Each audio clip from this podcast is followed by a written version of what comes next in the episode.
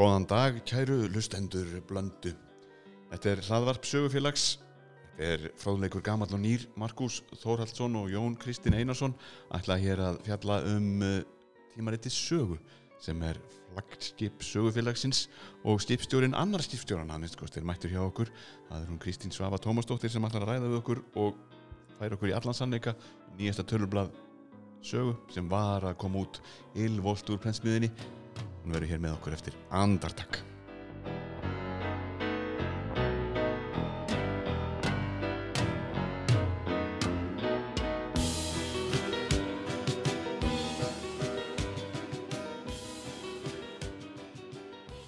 Góðan dag Kristín Svafa Tómasdóttir og velkomin til okkar og til hamingju með LVFIII árgangin af uh, sögu Takk fyrir, takk fyrir, já, takk. Hvað þann, fyrir hvað stendur LVFIII?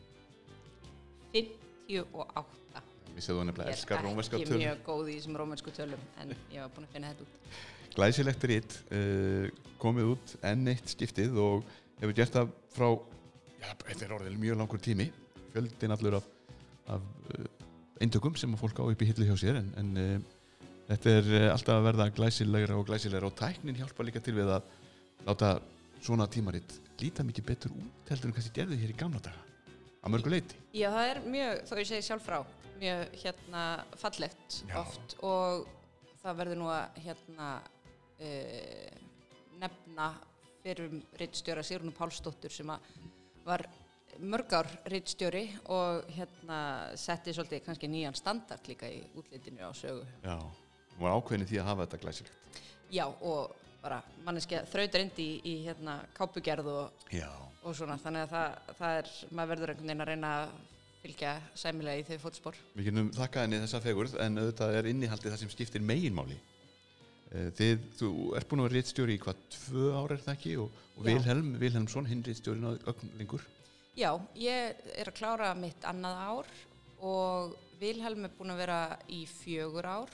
Hann og Erla Hulda Haldursdóttir tóku sérst við af Sigrunu Pálsdóttir þegar hún hætti fyrir nokkrum árum og, og svo kom ég inn með Vilhelm senustu tvö ár. Og gaman. Já, mjög skemmtilegt og bara ótrúlega e, gaman og mikill heiður að fá að taka þátt í að reittstýra og, og hérna e, bara, já, búa til þetta ótrúlega mikilvæga og sögufræga tímaritt sem er svo mikilvægt fyrir sagfræðinga á Íslandi og fyrir mig líka kannski sérstaklega um, af því að ég er bara sjálfstætt starfandi sagfræðingur, ég er ekki í háskólanum um, þá er virkilega gaman að, að fá að vera á þessum vettvangi og fylgjast með því sem er að gerast og maður verður að hafa svolítið augunopinn og, og hérna, uh, já, bara augunopinn fyrir efni og, og reyna einhvern veginn að, að láta sögu fylgjast með því sem er að gerast. Hún þarf að vera bæði gömur og ný, eða ekki? Jú, jú, sannlega, eins og kannski öll sagfræði. Já, hún er svolítið þannig, blandað þessu. Hvernig er þetta ferli? Hva, ef að einhver þarna úti sem hefur lengi dreymt um að láta byrta eftir sig grein í sögu en hefur ekki lagt í það, þekki kannski ekki ferlið eða er eitthvað feimið við að ritsmíðin sé ekki nógu góð sem að býður alltaf ofan í skúfu, hvað á að gera? Um, við fáum sagt, sendagreinar og það sem er svona hryggjarstykkið í uh, heftinu á hverju sinni eru ritríndu greinarnar. Og þá er bara ferlið þannig að fólk uh, sendur okkur grein og, og svona fyrsta umferð er að við lesum yfir ritstjórarnir og, og annarkvort höfnum greininni uh, eða samþykjum hana. Um, og, og yfirleitt er nú þar nú að senda fólk tilbaka að gera einhverja breytingar. Um, en svo þær greinar sem eru samþyktar fara síðan í reytrinni uh, yfirlestur hjá tveimur nafnlausum sérfræðingum á sviðinu sem að uh, meta hvort að greinin stendst þær fræðilegu kröfur sem hún þarf að gera. Uh, og annarkvort sagt hafna grein eða samþykja eða samþykja með fyrirvarum breytingar. Og, og svo þegar greinin hefur farið í gegnum það, komist í gegnum þá síu, þá uh, bara tökum við við henni aftur og, og hérna höfundur gerir nöðsynlega breytingar og svo hérna á endanum bara fer hún í prófkjælastöður og umbrót og þannig að þetta er ansið svona langtferðli og nokkrar umferðir Já. uh, sem þarf að fara gegnum það, og svo eh, þetta eru svo rítrindu greinarnar en svo eru líka ímsir uh, svona kannski dálkar með og, og þættir í blæðinu sem eru ekki með ekki rítrind sem sagt um, og, og það er líka sá möguleiki fyrir hendi uh, að byrta viðhorfsgrein er þær kallaðar og, og þar eru stundum byrtar svona stittri greinar og greinar sem eru þá ekki sendar í þetta rítrinni ferli. Margir sem að kannski þekki ekki þetta ferli og ástæður þess getur nú velt fyrir sér hvort að þetta langa og stranga ferli sem ást að lýsa það ekki svolítið kjarnan úr oft skrifum fólks? Eh, ef að eh, rítrinjarnir eru mjög hardir og, og, rittstjórnarnir ekki síður Nei, alls ekki. Það, þetta er náttúrulega, markmiðið er bara að, að halda uppi fræðilegum standard og, um, og tryggja gæði uh, greinar sem er verið að gefa út. Um, ég held að ég hafi nú aldrei séð grein verða verri af því að fara í gegnum hvorki rittstjórn nýja rittrinni og, og það er náttúrulega líka bara hluti af því að vera fræðmaður uh, er að vennjast því að fá yfirleistur og gaggrinni og geta unnið úr henni á uh, uppbyggilegan hátt. Auðvitað, sko, getur það verið erfitt, það er ekki alltaf auðveld sérstaklega þegar maður ferir gegnum það í fyrst skipti. Um, en þá bara ringir maður í vinni sína og, og kvartar aðeins í þeim og, og segir svo ósangjarn með mig. Um, en á endanum þá hérna Þetta, það, já, þannig að það er alveg eðlilegt að það gerist líka en uh, því að maður er nú bara mannlegur. En, en eins og ég segi ég hef aldrei séð grein verða verri af því að fara í gegnum þetta ferli Akkurat, en uh, ef við snúum okkur aðeins að uh, þessu nýjasta hefti haustæftu 2020 um, það fyrsta sem að teku við lesendum er náttúrulega fórsíðan, kápumyndin hvað eru við með þar? Hvaða kápumynd er þetta? Ég verða að segja bara þó ég segi sjálf frá það eru ótrúlega ána með hvað þetta kemur fallega út á kápunni þetta er mynd sem að um, ég kannski sérstaklega var mjög spennt fyrir að hafa á uh, kápunni. Þetta er mynd af nefndum og kennurum í húsmaðra kennaraskóla Íslands, mynd eftir Vigfús Sigurgesson. Tekin um miðja 20. stöld þegar húsmaðra kennaraskólinn uh, var í aðalbyggingu Háskóla Íslands og það er sem sagt sitja þarna kvítklættar með kappana á tröppum aðalbyggingarinnar. Og Erla Hulda Haldustóttir skrifar uh, stuttagrein um, við erum alltaf með svona forsýðu, eða svona kápumyndargrein um, það sem að einhver fræðimær svona leggur aðeins út af myndinni um, og Erla Hulda Haldurstóttir skrifar um þessa mynd uh, og, og svona hvernig má skoða hana í samhengi uh, við bara alls konar hugmyndir um stöðu og hlutverk hvenna þarna um miðja 20. stöld og, og þessa áhugaverður staðsetningu þar sem það eru uh, húsmærakennarinnir á, á tröppum þessarar akademísku uh, akademísku stopnunar og það var sérstaklega skemmtilegt að að, um, að ná að hafa þessa mynd núna uh, bæði vegna þess að uh, hún byrtist líka í bókinni Konur sem kjósa sem að, um, er að koma út hjá sögufélagi núna og ég er með höfundur að ásand Erlu Huldu og Ragnæði Kristinsdóttur og Þorgerði Há Þorvaldsdóttur. Um, og þessi mynd er semst þar líka og, og við erum náttúrulega enn, ennþá að fagna í ár ammali kostningaréttar uh, hvenna, 100 ára ammali þannig að það var mjög bara skemmtilegt að geta haft, haft þetta uh, núna. Og svo vil svo til að fyrsta reyndrindagreinin í heftinu snýr líka að um, hvenna á kynjasögu og uh, svona sögu hennar. Þannig að þetta var bara öllu leiti mjög skemmtilegt að geta haft uh, þessa mynd á, á kápunni. Einmitt. Já, segð okkur hans rásari grein. Hún kallast á við uh, fyrri hefti sögu, ekki satt? Jú, nefnilega. Um, þetta er sérst grein eftir Hafdísi Erlu Hafstinsdóttur uh, sem að heitir Landnám kynjasögunar á Íslandi. Og kallast á við grein sem var í aldamóta hefti sögu árið 2000 og uh, allir sem hafi verið farið í gegnum sagfræði nám við Háskóla Íslands uh, sennilega bara síðustu tvo áratvíu þekkja þetta hefti því að maður er látið að lesa það. Um, Spjaldan á milli. Spjaldan á milli. Þetta var sérstaklega, já, hefti sem kom út uh, aldamóta árið og þá voru feng, fengin hópur af fræðimönnum til þess að skrifa um svona stöðu uh, ólíkra undirgreina segfræðinar á Íslandi. Og meðal greinana uh, er greinsist eftir Margreti Guðmundsdóttur um landnám kvennasögunar á Íslandi.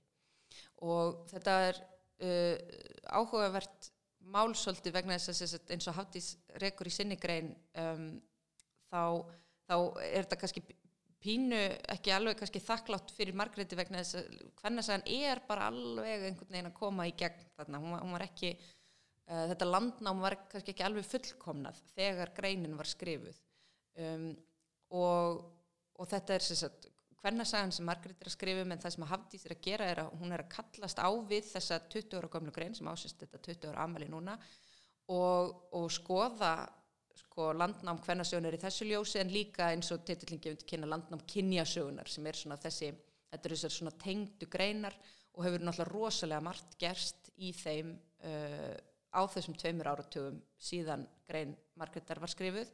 Um, þannig að þetta er bara virkilega skemmtli grein og, og mér finnst alltaf mjög gaman að byrta sko, svona aðferðafræðilegar greinar af því það er líka svo mikilvægt að, að ræða aðferðafræði og, og hugsa um bara sagnarítun og stöðu sagfræðinar og það er, má kannski líka bara benda á sem að við gerum í formálarítstjóra sem er kannski líka pínu, pínu skemmtlegt sko út frá þessari greina að Margrit var eina konan sem skrifaði í aldamóta heftið, ég man ekki hvort þau veru 10-12 höfundar eða eitthvað svo leiðis og, og framan á því hefti er svona lítil mynda Jóni Aðils eh, sem er En ekki hvað. en ekki hvað sem er auðvitað að sínuleiti viðeigandi en það er líka pínu gaman að bera saman við um, bæði sko efnisifilitið í sögu 2020 og auðvitað kápuna þar sem er bara full af, full af konum og engin Jón Aðils. Og það er einmitt þetta með konurnar og söguna. Eh, þetta var nú aldrei skemmtilega framsett hjá tveimur mörnum að norðan sem að eru kenna sér við hund og eru pínlítið týndir. Að einhvern tímann þá sá ég uppsetninguna þeir um það að 20. öldin hefði fært ýmsar tækninýjungar það hefði komið sko símin og það hefði komið bílar og það hefði komið vélbúnaður að ýmsu tægi og konur af því að allt í einu byrtust konur spjöldum sögunar það hefði verið afskaplega lítið ábyrjandi í, í sagnaritun eiginlega bara og raunverulega langt fram eftir 20. öld Já, í sagnaritun, en svo veit maður auðvitað að, að hérna, að, já, grínið er augljóslega að þær voru ekki fundnar upp á 20. stöld. Akkurat, það er grínið, Já, það, kom, allt í einu bara komið þær þarna allt í Já. einu byrtust konur sem að, hvar hefðu það verið? já, Það var spurningin þeirra, þetta var þetta bara ádeila á það að sagan hafi verið svona ægilega karlæg En sem betur fyrir mig þá, þá hefur uh, margt verið að gerast á senustu áratugum og, og, og já, mjög gaman að, að lesa þessa grein hafði í starf sem hún svona fer við það og fer, yf- fer yfir eins og ég segi líka svona uh, aðferðafræðilegar vangaveltur með hvernig söguna annars vegar og kynja söguna hins vegar. og það er oft vandinn við það að kalla fram svona þessa þetta fólk í sögunni sem hafði verið ósýnilegt af einhverjum ósökum uh, hvort sem það eru konur eða einhverjir minnihlutahópar eða fólk á, á óþektum svæðum heimsins og þar fram eftir göttunum þetta er þessi frasi að sagan sé skrifuð á sigurvegurunum hún er aldrei svona hann er, hann er eiginlega að missa gildi sitt er það ekki? Og hefur kannski aldrei haft það? Uh, jú, jú, ég meina vonandi hérna erum við aðeins á leiðin í aðrar áttir. En það er líka hérna það er líka svo skemmtilegt að, að skrifa söguna út frá nýjum sjónarhóttnum og, og það er vandasamt. Já, um, en það er mjög svona ánæguleg áskorun myndi ég segja. Og eins og ég segi, nú, nú verið ég sem sagt með höfundur þessari kvennasögubók stóri sem að var að koma út konur sem gjósa. Og, og það var bara, ég get til dæmis sagt um það verkefni að það var bara alveg ótrúlega gaman að fara e, gegnum söguna og einmitt skrifana frá, frá öðrum, öðru sjónarhóttni og verið bara að skoða aðra hluti en, en, en hefur verið gert. hvernig gengur að finna heimildir einmitt? Og það er kannski það sem að sprettur upp við að lesa svona svo vangavelta sem sprettur upp við að lesa grein eins og, eins og hennar hafðísar erlu þetta með, með heimilda jafnvel, um, um ímsa hópa. Er, er kannski fullt til það bara hefur ekki verið notað? Sko, eh, ka- kannski bara svona bæði og uh, auðvitað getur maður oft ert sig á heimildafátækt um ímislegt um, en, en þetta er líka spurning um að hafa augun opinn og, og nálgast hlutina uh, bara úr öðrum áttum og það er þetta nefna bara sem dæmi verkefni sem að, sem að Hafdís hefur verið að taka þátt í hins einn um, um semst, uh, hins einn kínverund kvenna, mm. uh, huldukonur uh, má benda á vefin huldukonur.is Þa, þar sem að þær hafa verið að safna hún og Íris Ellenberger og Ásta Kristín Benediktsdóttir heimildum um hins einn kínverund kvenna og það er bara það er fullt til. Það eru þetta, hérna, maður vildi alltaf hafa meira en, en þetta er líka einmitt spurningum um að spyrja réttu spurningana. Já, og leita á réttum stöðum því að, já, bara þetta með sem svo bref og dagbækur vil hvenna eða barna er einhvern veginn vafin inn í einhverja vöndla hjá þjóðstjálasafni merta körlum feðrum, eiginmönnum Einmitt. frændum jável ég held að ég muni rétt þegar ég hérna, að ég hafi heyrt um að það sé bara hafi verið í gangi mjög nýlega verkefni til dæmis á landsbókasafninu um að skrá upp á nýtt og skrá nákvæmar uh, handlit hvenna þannig að vonandi uh, sem að áður voru falin inn í söfnum einmanna þeirra og einhverja kalla. Þannig að vonandi hérna uh, já eins og ég segi erum við nú á leiðin í, í nýjar áttir. Og uh, þetta er uh, ein af greinum sögur núna landnám kynja sögunar á Íslandi. Þetta er svona framhald frá orðinu 2000 og áfram heldur nú sagan alltaf að þróast og, og vinnubröðin við, við sagnarítun og sagnar sögur ansóknir og, og er alltaf að taka stakkaskiptum. En það er kannski einn spurning sem ég langar til að stjóta þig sem að e, til dæmis ég veit að sagfræðingafélagið hefur nokkuð, nokkar áhugir af. Það er e, mikil samdráttur í sögukenslu jável á yngri stegum og, og í framhaldsskólum landsins hefur þú eitthvað velt þessu fyrir þér? Sko ég er nú ekki mikil sérfræðingur í þessu en það má benda á að það er einmitt grein um sögukenslu í, í nýju sögu eftir Súsunni Margréti Gestóttur sem er nú held bara einn af okkar fremstu sérfræðingum í sögukenslu um, og það er mjög aðtöklusverð grein. Um, hún tilherir uh, þætti sem við erum oft með sem heitir uh, saga og miðlun Um, og hún er að fjalla um kennsluefni, rafrænt kennsluefni í sögu og um, er í rauninni öðrum þræði að gaggrína sagt, uh, kennslubók sem, a, uh, sem var verið að uh, endur útgefa að hluta til á rafrænu formi og, og, og tala um svona vannýtt tækifæri og, og síðan, síðan fjalla um hvernig er hægt að nota rafrænt efni og stafrænt efni í, í sögukennslu virkilega uh, áhugaverð grein og, og skemmtilegt að lesa um það sem hún er að deila með lesendum alls konar, alls konar vefi og, og, og efni sem er verið að nota til dæmis í Evrópu. Uh, þannig að bara mjög skemmtilegt að hafa líka umræðu um þessa hlið sko, um sögukennsluna uh, og við reynum að vera með Uh, líka einmitt sko, umræðu um miðlunina. Við erum oft með einhverja umfjöldunum til dæmis einhverjar síningar á söpnum eða, eða svona þessa sapna hlið sem er uh, auðvitað partur af þessu öllu saman. Og þessi reysastóra spurning fyrir hvernig er sagan? Já, meðal annars. Og við erum með þess að svo er örstuðt viðtal líka við í þessum þætti saga á miðlunum söguð þingið sem verður haldið í vor uh, viðtalið Særi Jakobsson. Svo getum við nú kannski fjalla meira um það um í næsta hefti, sjáum, sjáum til. Já og þú ætlar svona á eftir að segja okkur aðeins meira af næsta hefti, við getum aðeins látið fólk fara að laka til þess líka því að þetta er, þetta er sívinnsla, þið eru alltaf að en, en við komum betur á því á eftir. Já, en svo er það álítamál sögu, það er spurning þar sem að eflaust uh, margir hafa áhuga á að lesa um. Hvað eru sögulegri tímar, getur þú sagt okkur frá því? Það er mjög spennandi Já, við erum uh, venjulega með svona sagt, álitamál uh, sem við fáum nokkra fræðiminn til þess að tjá sig um og þetta bara þessi spurning auðvitað kviknaði uh, eðlilega í vor þegar allt var að fara á hliðina, farsóttar hliðina. Hvað eru sögulegi tímar? Hvernig hérna, erum við að lifa sögulega tíma og hvað er það sem, sem skilgarinnist sem sögulegi tímar? Og það eru þrýr fræðiminn sem að skrifa um þetta hjá okkur. Það er Gunnar Þór Bjarnason sem var augljóskostur uh, til að skrifa um þetta vegna þess að hann var að senda frá sér bókum Spænsku veikina og hefur nú skrifað um ýmislegt dramatíst við upphaft 20. eldar.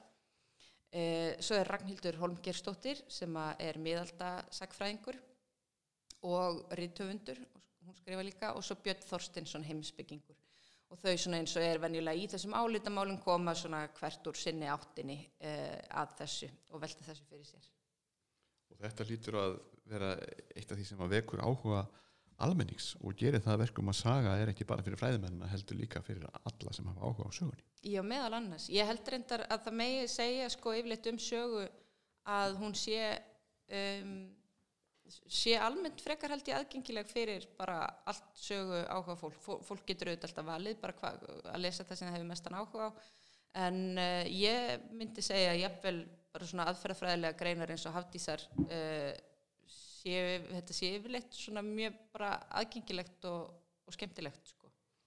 Hjá okkur situr Kristín Svafa Tómasdóttir sem er annar rittstjóra sögu, tímarits sögufélags sem var að koma út núna fyrir örfáum dögum Eh, þetta er 50. og 8. árgangur og setna hefti ársins Eh, það er ímislegt fleira í, í rittinu Já, það eru fleiri ritrindar greinar og það er á meðal einnig til Hjalta Hugason sem að skrifa um málöfni sem að kannski fólk er ekki mikið að hugsa um frá til dags. Eh, Það eru heimagrafritir. Getur þú sagt okkur aðeins frá þeirri grein? Já, virkilega áhugavert efni. Ég get allavega staðfist, ég hef aldrei, hafði aldrei hugsað um heima grafreiti þangar til ég las þessa grein. Um, og já, Hjalti er semst að fjalla um, uh, greinin heitir Átökin um útförina, sem er líka frábært titill, svona mjög áhuga veikandi finnst mér. Og, og hann er semst að fjalla um svona tókstreitu, uh, ákveðin svona átök milli kirkju og almennings í rauninni um stopnun heima grafreita á Íslandi sem að virðist hafi verið sérstaklega vinsælt á Íslandi um, þannig að þetta er svona, má ég segja, undir lok 19. aldar og, og, og á fyrirhluta 20. aldar og, og hann er sérst að fjalla um í rauninni sérst áhuga uh, bænda, uh, má ég segja sérstaklega á að stopna sína eigin heima grafreiti og tregðu kirkjunar í rauninni og svona tilraunir kir kirkjunar til að reyna að sportna við uh, óhóflegri fjölkun heimagrafrita um, Stelvilegt auðvitað. Já, sko, þetta er rosalega áhugavert efni að því að, að, því að þetta er, og, og hann svona rekur vel einhvern veginn hvað þetta er líka viðkvæmt, sko, að því fólk, fólk vil fá að grafa, bara grafa ástvinni sína nær sér, en svo er kirkjan að reyna að segja að þú veist, ég meina þá, þá að grafa fólk í sko, skipulum hérna, grafreitum og þú veist, svo bara e, svo gerist það bara sko, þe þeir sem er að sjá um kirkjugarðin deyja sjálfur og, og þetta bara fellur allt í einhverju órækt og, og það verður að hafa einhver bönd á þessu um, en svo er þetta samaskapin dalti viðkvæmt að því að, að því að það er kannski hérna e, já, þetta er bara, þetta er bara hérna mjög persónulegt mál. Þannig að þetta er virkilega svona e, kannski pínu óvænt viðfangsefni og mjög áhugavert. Og hefur ekkert farið hátt. Nei, Nei, einmitt. Og svo er þriðja ritrindagreinin uh, það er greinin til Brynju Bjóstóttur um uh, réttarstöðu kvenna uh, kakvart ofbeldi í hjónabandi, ekki satt? Jú, hún er, hún er að taka uh, hún er að taka svona dæmi nokkur, svona stikkpröfur eiginlega uh, úr af, af dómum sem að hafa fallið þetta er á 19. og 20. öld sem að hún er að svona fókusir á um, já, og te tekur tekur svona uh, nokkur dæmi um dóma vegna heimilisofbildis og er, er að skoða svona út frá þeim um, þessar, þessar réttarstöðu kvenna uh, þegar, þegar svoleiðis mál koma upp og þetta er bara einmitt mjög, mjög áhugavert efni og, og eitthvað sem hefur verið skrifað mjög lítið um, um og, og eitthvað svona sem að á alveg klálega, þarf alveg klálega að skoða betur og, og hérna rannsaka þess að bara sögu kynbundis ofbeldis. Og talar vel inn í þennan samtíma því að nú hefur núverandi dómsmálar á þeirra hort aldrei til þessara mála. Eh, hún hefur, hefur verið að setja ímsa í annarkvort nýjar lagagreinar inn í hegningarlög eða jáfnvel ný lög sem að tengjast þessu eins og til dæmis um, um eldirhella og, og fleiri í þeimdur þannig að eh, þetta er eilíðamál Já, algjörlega, þetta er náttúrulega grein sem að einmitt kallast algjörlega ávið, ávið þá umræðu sem hefur að eiga sér stað svona senustu áratví. Þetta er svona, já, öfugt við heimagrafritina, þá er þetta mál sem að maður kannski heyrir talað meira um en, en alls ekki kannski sérstaklega oft í sögulegu ljósi. Og ég get alveg sagt það til dæmis svo ég snúi enn og aftur að bókinni konur sem kjósa um, þá, þá fjalla ég svolítið um heimilisofbeldi í mínum kapla sem um, um tíunda áratuginn þar og, og skoðaði einmitt aðeins af því tilefni var, að- var að skoða hvað hefði verið skrifað og svona í sögulegu ljósi og það er bara mjög lítið á Íslandi þannig að þetta er, þetta er svona þörfgrein í mál sem á eftir að rannsaka miklu betur.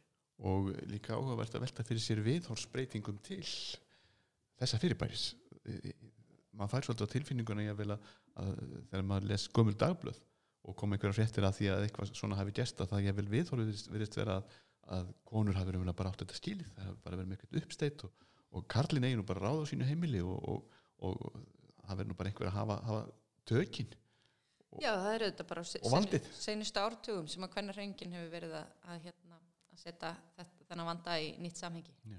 og algjörlega nöðsynlegt og þetta er eina af þessum greinum sem að allir geta örgulega fundið eitthvað í Já, alveg áræðanlega. Snert, snertur okkur all Já, en uh, Kristín enn og aftur að glæsilegri sögu uh, útlitinu þessi hönnun er auðvitað glæsileg og er í sífeldri sífeldri breytingu uh, hvað, hvað er það sem ræður hvernig, hvernig verður til það var eitt af því sem ég ætla að spyrja um aðan hvernig verður svona kápa til, að hverju til dæmis nákvæmlega þessi mynd, er einhver, einhver sérstök ástæða fyrir því að þessar þessi fengulegur hópur hvenna sitjandi á tröppum fyrir framann háskóla bygginguna, aðalbygginguna var fyrir valinu, frekar en eitthvað annað? Sko og er ekki erfitt að velja stundum? Um, ég, mér finnst þetta alveg sérdeilis skemmtilegu partur af uh, jobbinu að, að finna út úr forsýðu myndum. Þannig ég hef mjög mikið áhuga því. Og uh, þessi mynd, þetta kom nú kannski líka bara til vegna áhuga Erlu Huldu. Uh, þetta, þetta spratt svolítið sko, hérna það var alveg klárt að það er hún sem myndi skrifa um þessa mynd. Um, við, ég held bara ég hef heyrt hann að tala um hana einhvern tíman eins og ég segi, hún kemur síðan líka í bókinni konu sem kjósa, þetta er aldrei mjög flott mynd sem að svona vekur upp marga spurningar og, og uh, já, þannig að það verður rauninni bara, bara svolítið svona uh, hennar áhugi sem að um, gerir það að verkum að, að uh, við ákveðum að hafa hann á kápunni uh, seinasta kápumynd líka mjög skemmtileg um, teikning af Gunnari og Njáli uh, úr 19. aldar njáluhandriti sem að ég bara sá á, uh, á síningu árið 2018 og, og komst svo að því að, að uh, Þorsteinn Súrmeli Árnason hafi skrifað uh, lokaritgerð um þetta tiltekna handrit sem er mjög, mjög skemmtilega myndskreitt og, og þá sagt, uh, datt okkur í huga að hafa samband við hann og, og spyrja hvort að hann gæti hjálpa okkur að velja mynd og skrifa mynda þannig að þetta svona kemur allstaðar að. Og það er hægt að prófa sér svona svolítið áfram með og líka fara aðeins annað en í ekkert alltaf í sko sagfræðina uh, Þorsteinn er, er hérna, uh, íslensku fræðingur og uh, svo er kannski alveg óhætt að segja frá því að, að það verður forlega fræðingur sem að mun skrifa um myndefnið á næstu kápu sem að mun einhverjir, einhverjir skemmtlegi gripir munu príða þannig að það er að fara betur í, frá því og eftir. fara í alls konar áttir með þetta. Einmitt, en uh, já, svo er eitt flokkur sem að ég persónulega hef alltaf mjög gaman af, það er hérna úr skjalaskápnum, það var gaman að heyra aðeins um hann. Já, það er hérna, ég tek undir það, það er mjög skemmtilegur þáttur og þá fáum við einhvern, uh, oft, oft einhverja skjalaverði til þess að skrifa um eitthvað skemmtilegt skjal og svona uh, jafnvel skjalaflokk, draga svona fram í dagsljósið um, eitthvað, eitthvað skemmtilegt úr skjalaskapnum og nú er það eh, Kristjana Vigdís Ingvadóttir sem að starfar á þjóðskilasafni sem að skrifar um heimildir um fjársöfnun Íslendinga til handadönum vegna fyrra slésvíkur stríðsins um meðja 19. öld og þetta er sem sagt, þetta er skjöl sem eru varðvitt á þjóðskilasafni og, og snúa sem sagt að því að, að það eru Íslendingar sem að finna til með dönum þegar, þegar þessir uh, erfiðleikar uh, ríða yfir og, og eru sem sagt að sapna fjö í öllum landslutum og, og, Kristjana er, er að skrifa um þessar, þessar heimildir um þessa fjársöfnun. Hljómar mjög spennandi.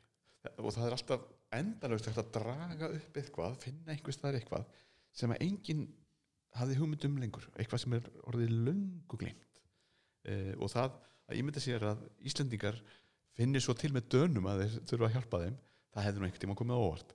Já, þetta er virkilega einmitt skemmtilegt og, og, uh, og eins og með kápumyndirnar, það er svo margt skemmtilegt sem er einhvern veginn hægt að draga fram uh, og svona kannski misþekkt líka.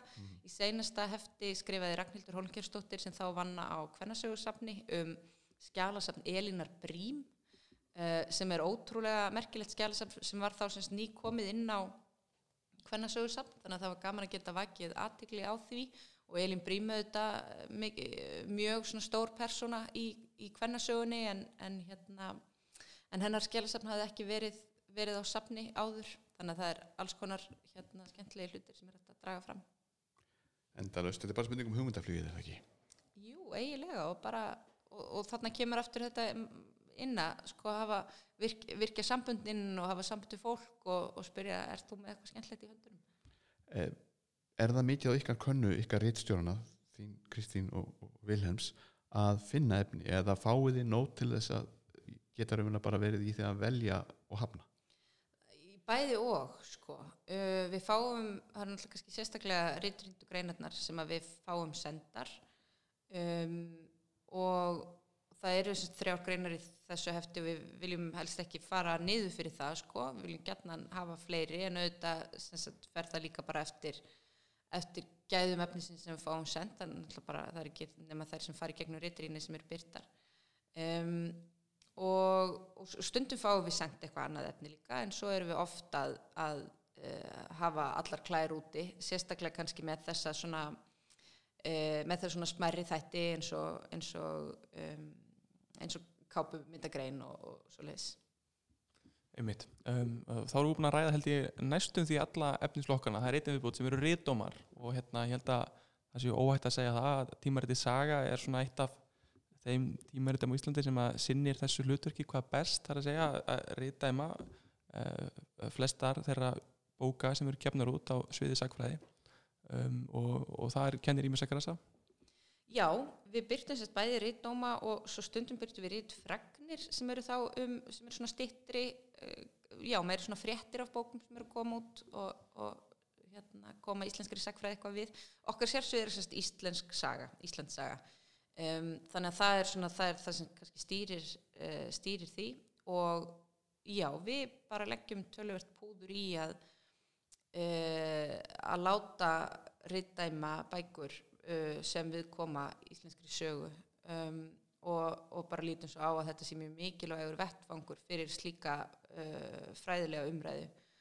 Og um, já, þannig að já, við bara leggjum, leggjum töluvert uh, upp úr því og, og það er náttúrulega ekki rosalega mikið um rittdóma uh, um fræðibækur þannig að ég myndi segja að þetta væri mjög mikilvægur vettfangur og, og kannski sko, það setur auðvitað einhver leiti líka marksitt á að þetta er sko, veist, við erum ekki þetta eru bara tvö hefti á ári um, við erum ekki að taka þátt í jólabókaflóðinu með, með dómi með eitthvað svoleið sko, þannig að þetta er líka það líður kannski smá tími stundum veist, og þetta eru svona langir og, og, og veglegir dómar sko, þannig að ég myndi algjörlega að segja að það væri, væri mjög mikilvægur uh, umræðu vettvangur í rauninni. Og svo bara til að skjóta því að það er, það er semst, ein grein í viðbót í þessu hefti sem er semst, minningargrein eins konar um Gísla Gunnarsson sem að Guðmundur Jónsson skrifar. Um, ekki minningargrein sem svona persónuleg minningargrein heldur, heldur uh, höfum við haft það fyrir síð þegar svona uh, afkasta miklir sagfræðingar falla frá.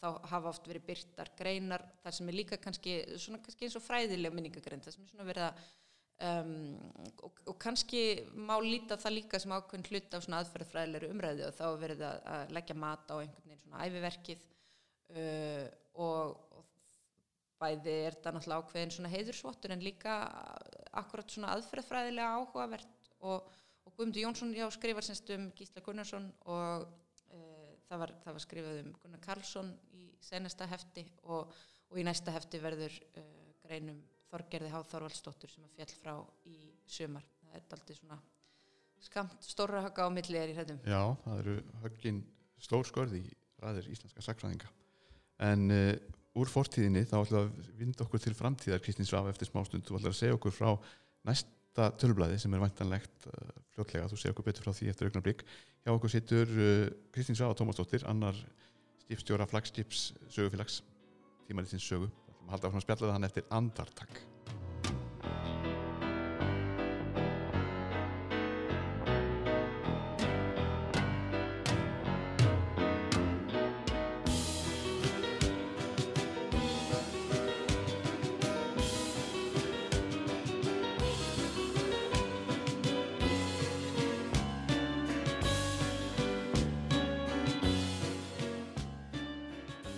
Kristín Svafa Tómasdóttir, rittstjóri, annar rittstjóra tímaritsins sögu situr hjá okkur og nú ætlum við að horfa til framtíðar þó svo að eh, þessi, þetta glæsilega ritt sé nýkomið út, saga tímaritt sögufélags, eh, 50. og 8. árgangur og, annað hefti, þá er LEX árgangurinn vantalegur og er þegar kannski hafinn undirbúningur búin að standa jafnvel lengi. Eh, Getur þú sagt okkur eitthvað, eh, kýtlað framtíðar taugar lesenda, hvað, er, hvað verður á, á bóðstólum í næsta tímaríti, næsta hefti? Það er alltaf pínu sko svona flókið að ræða þetta að því að, um, að því að sko eðli rittrýni ferlisins uh, sérstaklega er þannig að, að maður vill helst ekki hafa neina rifilýsingar fyrir en bara allt er komið í umbrott og bara rittstjórnarferlisins það er hérna getur alltaf eitthvað komið upp þannig að ég ætla nú ekki að fletta onan einu um, um stóru greinarnar en Nei. það er efni sem að ég get uh, sagt frá. Um, við ætlum að vera með uh, einhverja skemmtilega uh, forsýðu mynd tengda, ég ætla ekki að vera ofnákvæm tengda samtíma fornleifafræði sem að er eitthvað sem að ég bara elska uh, ég get bara sagt það. Um, ef að ég hefði vitað að hérna, forðlega fræðingar ansökuðu líka nýri sögu þegar ég var að velja mér fag þá bara hefði ég kannski endað í forðlega fræði um, Aldrei úr seint, bæta bara við. Já, góð punktur. Kannski ger ég það. Uh, á meðan hérna, það, það þanga til þá reynir ég bara að draga þá inn í sögu. Uh, og það verður semst í að forsýðu myndin og svo ég get sagt frá álítamálunum vegna þess að þau eru aldrei sem vann tilbúin mjög snemma. Um, það var hann Sigur Gilvei Magnússon uh, professor í sagfræði sem var svo ótrúlega elskulegur uh, að hafa samband við okkur og bjóða okkur álítamál því að hann eh, sest, hefur umsjón með álítamálum næsta hefti svo það eru nemyndur hans uh, ungir sagfræðingar í, sem er enn í námi sem að skrifa pistla, þrjá pistla og, og svo Sigur Gilvi skrifar, uh, skrifar svona ingang líka um, um svindl og blekkingar í sögulegu ljósi. Þetta er mjög skemmtilegt viðfangsefni sem að þau voru sagt í, í námskeiði hjá Sigur Gilva um og, og já, svindl, blekkingar og legar í sögulegu ljósi. Þetta verður mjög hérna, spennandi að koma að því úr ýmsum áttum. Spennandi, ég held að þetta eitt ætti nú bara að fjölga í áskrifendahópnum strax. Já, nákvæmlega. Komast yfir, yfir lesninguna á þessu því að svik og legar og prettir er eitthvað sem að fólk laðast mjög að þó það vilji nú ekki verða fyrir því. Nei, einmitt, þá er, þá er gaman, að, gaman að heyra um, heyra um alls konar einhverjar svoleiðis uppakomur. og það er að næga að taka þetta ekki Uh, jú, þau eru bara að fjalla þessir þrýr nefndur um og, og svo segur Gilvi um, um bara mjög hérna ólík efni sem að tengjast, tengjast þessu þema. og þið eru að vinna í rauninni alltaf að næstu heftum er það ekki? Það er, þetta er endalis hugmynd að vinna sem er í gangi. Já, það er það. Og alltaf náttúrulega bara greinarnar uh, svona reytrindu greinarnar rúla bara uh, gegnum þetta ferli og, og svo bara þegar þeir eru tilbúnar þá, þá koma þeir út í rauninni, lenda inn í næsta hefti og svo erum við alltaf á útkikkinu að finna um, að finna uh, annað efni og ég get alveg lofað einhverju forvitnilegu úr skjálaskápnum þó að ég uh, að, það sé ennþá lindarmál um, þannig að enn læstur skápurinn Já, og uh, vonandi verður umfjöllun um líka uh, nýjar sko, rannsóknir og miðlun í um, kvik, íslenskri kvikmyndasögu. Mjög skemmtlegi hlutir að gerast innan kvikmyndafræðinar í háskólanum, uh, það sem er mikill áhuga á íslenskri kvikmyndasögu sem hefur ekkert verið mjög mikið rannsókuð hingað til. Þannig að við getum vonandi verið með eitthvað aðeins um það. Uh, og já, svo erum við bara á fullu að fá rítdóma um bækurnar sem eru að koma út þannig að það, þeir verða líka á sínum stað að næga að taka Einmitt, á, við meðum með að vona því að saga komi út í uh, vorhefti sögu 2021, komi út í mæ, ekki satt? Jú, og þá verður vonandi hægt að halda sögu kvöld hér í Gunnarshúsi, Dingjuvegi 8 ef að hérna, við vonum að aðstæður í þjóðfélaginu verði á þann veg að það verði hægt. Þessi meintu fordæmalösu tímar leif okkur að, að koma saman að nýju. Já, við verðum líka að geta farið á söguþing. Það Já, er gott að verði hægt að halda það. Já, við uh, vonum að allt verði orðið í lægi þegar það fer að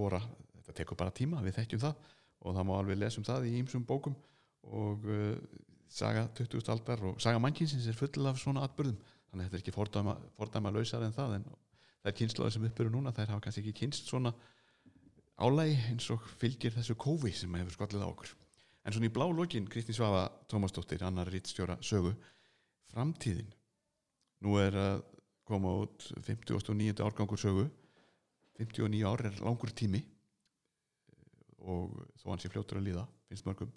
Eh, hvernig sérðu framtíð tímarits á borðið sögu fyrir þér? Margt er að færast yfir í stafræna form. Verða það örlög sögu einhver tíman í framtíðinni og, og að kápumyndin verði bara svona fljótandi í, stafrænum pixlum á, internetinu? Sko, já, þetta er náttúrulega stór, stór spurning.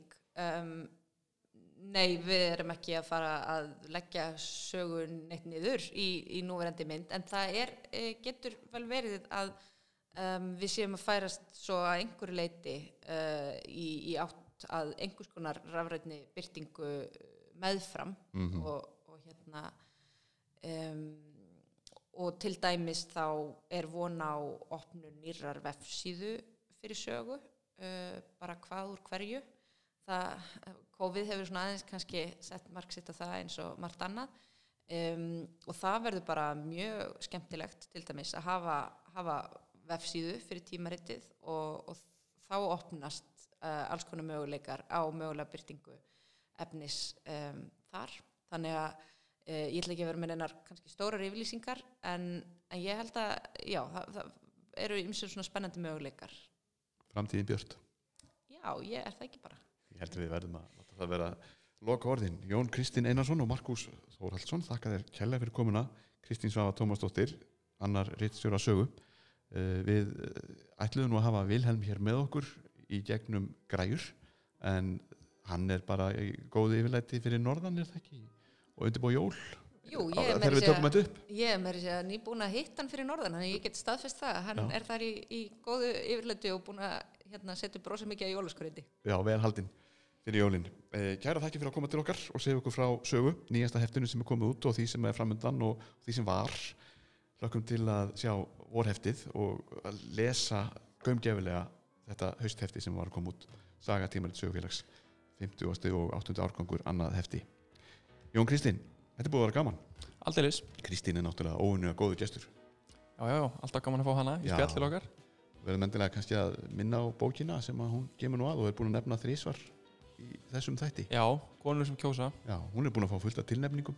Já, já, og var að fá núna í, eh, ekki bara tilöndingar, þetta verðlun líka, var að fá í vikunni uh, uh, verðlun bóksala í flokki fræðibóka og við óskum höfundunum til að hafa mikið með það. Glæsilegt, vel gert og uh, Kápan þykir sérlega vel hefnuð líka Já, hún lendi í öðru sæti hjá bóksölum. gott silfur gulli betra Þannig já, ég held það. Við þökkum fyrir samfélgina kæru hlustundur Kristín Svafa, Tómas Dóttir fyrir komuna. Jón Kristín, Kristín við sjáumst í næsta þætti. Já, og uh, við verðum hér áfram í blöndu fróðleik gömlum og nýjum hlaðvarpi sögufélags innanskams en uh, njótið þess að vera til kæru hlustundur og munið að fletta í sögu. Það er óendanleg uppspretta af fróðleik.